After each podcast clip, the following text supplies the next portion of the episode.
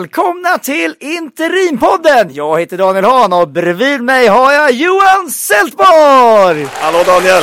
Woho! Härligt, härligt. Vi är väldigt nöjda. Det här är alltså vårt första poddavsnitt, pilotavsnittet.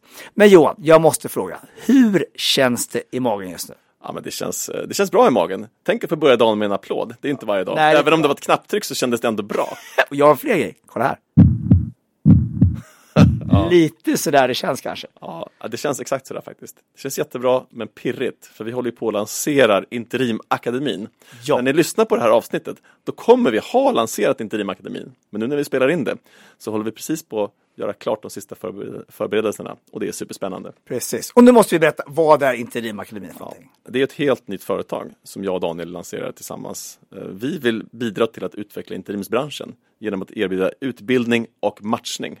Precis, vi kommer alltså utbilda interimare, folk som är nyfikna på interim, folk som har hållit på några år och till och med de som har varit med länge. Ja, exakt så. Och matchning då Johan? Matchning, ja det är ju helt enkelt att vi kommer hjälpa till att hitta rätt interimschef till rätt uppdragsgivare. Matcha behov med efterfrågan. Precis, så det är därför vi är här. Sa jag behov med efterfrågan? Det är ju samma sak. Ja. Utbud och behov. Utbud, behov, behov och efterfrågan. Det är värt en applåd tycker jag. Ja, ni hör ju att jag sitter vid mixerbordet. Det är ju lite roligt faktiskt. Men du Johan, eh, kan inte du berätta lite om den här boken som du har skrivit? För jag är ju faktiskt lite imponerad. Du har alltså skrivit en bok om interimsledarskap. Varför gjorde du det? Och bara lite kort. Ja, men det stämmer. Boken heter Ledarskap på besök. 15 framgångsfaktorer för att lyckas som interimschef. Och den lanserades i april i år. Bakgrunden till att jag gjorde det här är att när jag var ny som interimschef för ungefär fem år sedan, då tyckte jag att det var ganska svårt och ganska annorlunda att jobba som interimschef jämfört med att vara anställd. Och jag gillar att läsa böcker. Och jag ville gärna ha någonting med mig för att, för att, som hjälp. Jag hittade ingenting. Precis. Varken på svenska eller på engelska, inte ens på tyska eller franska. Jag förstår inte tyska så det hade inte hjälpt, men jag hittade i alla fall ingenting. Så jag tänkte efter, efter några år att men ska jag ha en guidebok, ja, då får jag väl skriva den själv. Så då satte jag igång mellan mina uppdrag och skriva ner mina erfarenheter, mina lärdomar. Ja, det mynnade ut i den här guideboken för interimschefer. Så, och det, det är ju liksom 15 framgångsfaktorer. Var det inte lite så att den byggde på dina misstag? Så den var bara tjockare och tjockare och tjockare för varje år. Ja, exakt så. Det bygger på mina misstag och den blev ju tjockare än vad jag hade hoppats på. Ja, men det är underbart ju. Den är faktiskt jättebra. Läs den. Mycket matnyttigt tror jag för alla. Eh, men om man inte vill börja med att läsa den här boken, då kan man definitivt lyssna på en podd. Man kan gå in på vår hemsida, interimakademin.se. Där lägger vi upp massa sköna artiklar. Eh, vi kommer också bjuda in gäster till podden och så vidare. Så att det kommer hända massor med saker i interim. Så är det. Så är det. Men du Johan, nu måste du berätta lite här. Du lunchade ju med en person ganska nyligen. Ja, exakt. Det är min kompis, vi kan kalla honom för Leif. Vi kallar honom för Leif. Så vi anonymiserar allting här. Japp. Ja, det var fakt- kul faktiskt. Den, eh, han har ju precis hoppat på sitt första interimsuppdrag. Och det är som alltid lite pirrigt och lite nytt. Eh, och, men det första hans uppdragsgivare sa, hans chef alltså, det var att han bad honom mörka att han är där tillfälligt. För hans motivering var att, men du Leif, personalen är ju lite orolig nu.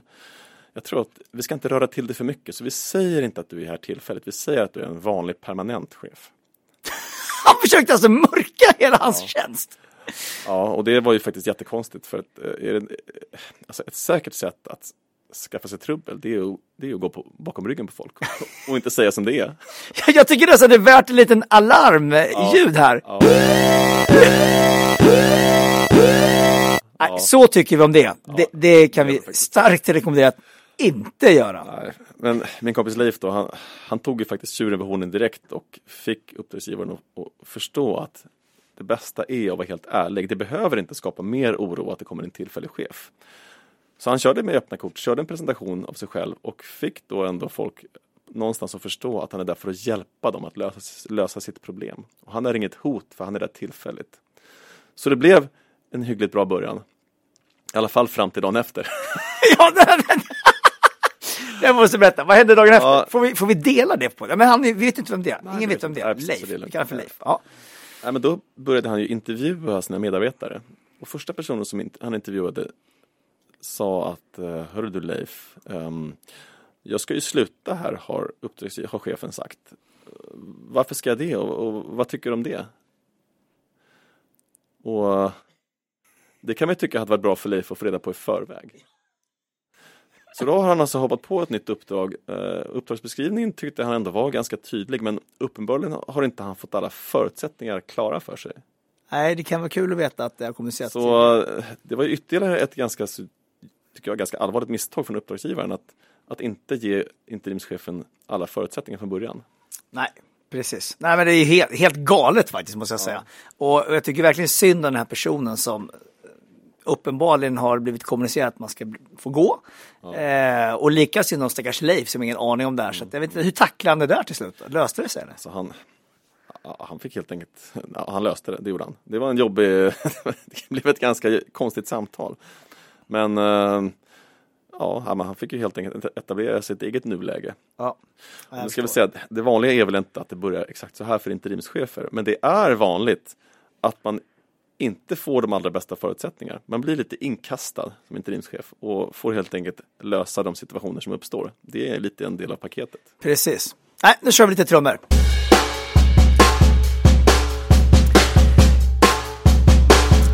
Ja, vi sitter ju faktiskt i en poddstudio här och som ni hör så går jag i bananas på mixerbordet. Men vi har fått, vi måste liksom nämna här, Daniel har hjälpt oss. Vi sitter på At på Brunkebergs torg.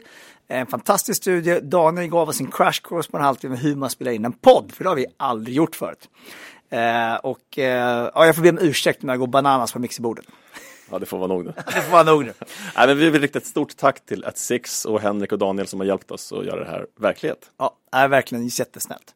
Eh, Okej, okay. ska vi gå vidare? Ja. Jag kände så här, vi kanske ska ta lite så grundläggande saker, till exempel vad är egentligen en interimschef? Ja, men det är en bra fråga. Det är inte alla, inte alla som känner till. Men interimschef är ju en tillfällig ledare. Det beror, betyder ordagrant ledning av företag i väntan på en permanent lösning. Mm. Det är när företag eller myndigheter eller, organisationer anlitar en ledare på en begränsad tidsperiod för att lösa en specifik uppgift. Mm. Precis. Så en tillfällig lösning helt enkelt. Ja, kan man säga. Ja, men det tycker jag är bra. Eh, och varför ska man anlita en interimchef? Ja, det kan, det kan vara många situationer. Eh, vi kallar ju det här interimslösningen för den tredje vägen. Där det första och vanligaste sättet att hantera en utmaning är att anställa en person. Den andra vägen är att ta in en konsult. Det är de vanligaste sätten som, och det som har funnits längst. Mm. Interimslösningen är den tredje vägen. Ganska nytt fenomen i Sverige, eller nytt och nytt, det beror på vad man jämför med, men det har väl funnits i Sverige kanske 15-20 år, men det är först de senaste 5-7 åren som det har blivit riktigt vanligt. Men jag vill ha sagt att vi ligger långt efter övriga Europa och England och framförallt USA, där man har kommit mycket längre och där är det betydligt vanligare. Precis. Så jag är helt säker på att det är en växande trend av interimschefer i Sverige. Ja, men det tror jag också. Och ni kommer se mer om den tredje vägen på en hemsida. Men kan vi vara extra tydliga där? För att de första två alternativen, precis som du säger, det första är egentligen att anställa. Men varför anställer man då inte? Ja, eh, alltså eh, det är inte säkert att man kan hitta rätt person för att lösa uppgiften. Det kan ju vara ett, eh, ett problem med till exempel en inköpsavdelning som kan vara jättekomplext. Att anställa en person för att lösa det här, då krävs det ju det, I vissa situationer krävs det en, en överkvalificerad person för att lösa uppgiften som inte är intresserad av att ha det som jobb. Är du med på vad jag menar? Mm. Det kan ju också vara en, eh, en till, ett tillfälligt behov av en, eh, av en eh, expert eller chef, till exempel vid en börsintroduktion eller någonting sånt där. Då är det inte rätt att anställa. Ta in en konsult å andra sidan. Det kan ju vara rätt person för att lösa, förstå problemet och staka ut en väg framåt. Men en konsult vanligtvis genomför inte själva uppdraget. Och då kanske inte finns någon som, resurs som kan ta hand om rapporter från konsulten. Och i det läget, ja men då är interimslösningen, den tredje vägen, den bästa och ibland den enda lösningen. Ja men precis, man kan väl sammanfatta det som att eh, det uppkommer ett tillfälligt problem, det kan vara förändring, det kan vara vad som helst och där du behöver en överkvalificerad person på plats ja. egentligen mot vad som behövs eh, när det är mer business as usual så att säga. Ja. Och då är det svårt att hitta en person som vill bli anställd på den tjänsten för man vill hela tiden bli utmanad och komma uppåt. Konsulter å andra sidan kan säkert lösa problemet men inte implementera den då nödvändiga förändringen, inte sant? Och då kommer vi till den tredje vägen! Interimslösningen! Eller hur? Ja, ja. Så är det. Men du, eh, nu ser jag, nu har det gått tio minuter, här. perfekt. Nu tänkte jag lite fråga dig, har inte du några roliga anekdoter att dela med dig av? Jo, jag har ju massor. Jag har skrivit en hel bok som baseras på anekdoter. Eh, men för att beskriva lite grann vad som kan vara utmaningen så är det nog enklast att berätta mitt, mitt första uppdrag. Eh, jag hade ju nyligen fått sparken, det var så jag blev interimschef. Jag blev uppsagd och blev ersatt av en interimschef. Ja, men det, det är ju ganska vanligt att det är så det går till. Eh, och då fick jag ju lite idén om att varför skulle inte jag kunna kastas in lika gärna för att ersätta någon annan då? Precis. Och inte så långt därefter så kastades jag in i mitt första uppdrag. Och jag skulle säga betoning på kastas in, för det var väldigt kort betänketid som det ofta är. Och jag landade och hade inte riktigt fått reda på förutsättningarna och visste väl inte exakt vad jag skulle göra. Men det var en rekryterare som i alla fall gav mig det här uppdraget. Och eh, när jag frågade vad jag skulle göra så sa han bara, ja, men in och VD, det har du gjort förut, det kan du. Ja, och uppdragsbeskrivningen då, vilket är ett ord som jag lärde mig senare, eh, var ju egentligen ett blankt papper. Det var ingen som hade funderat på exakt vad jag skulle göra, men de behövde en VD. Och det gjorde jag som vanligt i småföretag. Man går in och gör det mesta. Man är ju en sorts diversarbetare. Man har ju ansvar för allt i bolaget. Och i småföretag får ju vdn vara beredd att göra allt i stort sett. Men gör man allt så får man inte så mycket gjort i någon eh, i varje enskild del. Och om man inte, uppdragsgivaren då har tänkt igenom ordentligt och formulerat exakt vad det är man vill att den här interimschefen ska göra, ja men då är det stor risk att man gör fel sak, att man inte får tillräckligt mycket gjort i det som de egentligen vill. Och i det här fallet så hade de inte ens tänkt igenom vad de ville. Så det var ju inte så... Du skulle bara gå in och vd lite?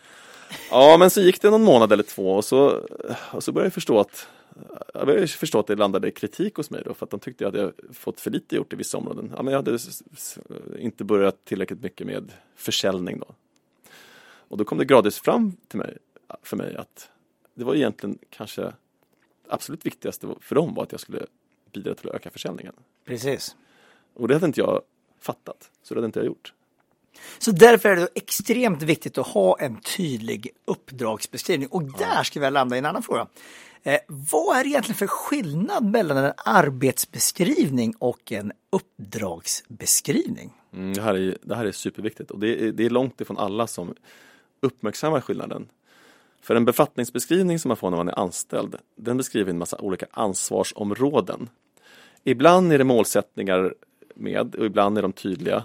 Jag skulle säga oftast är de inte så tydliga.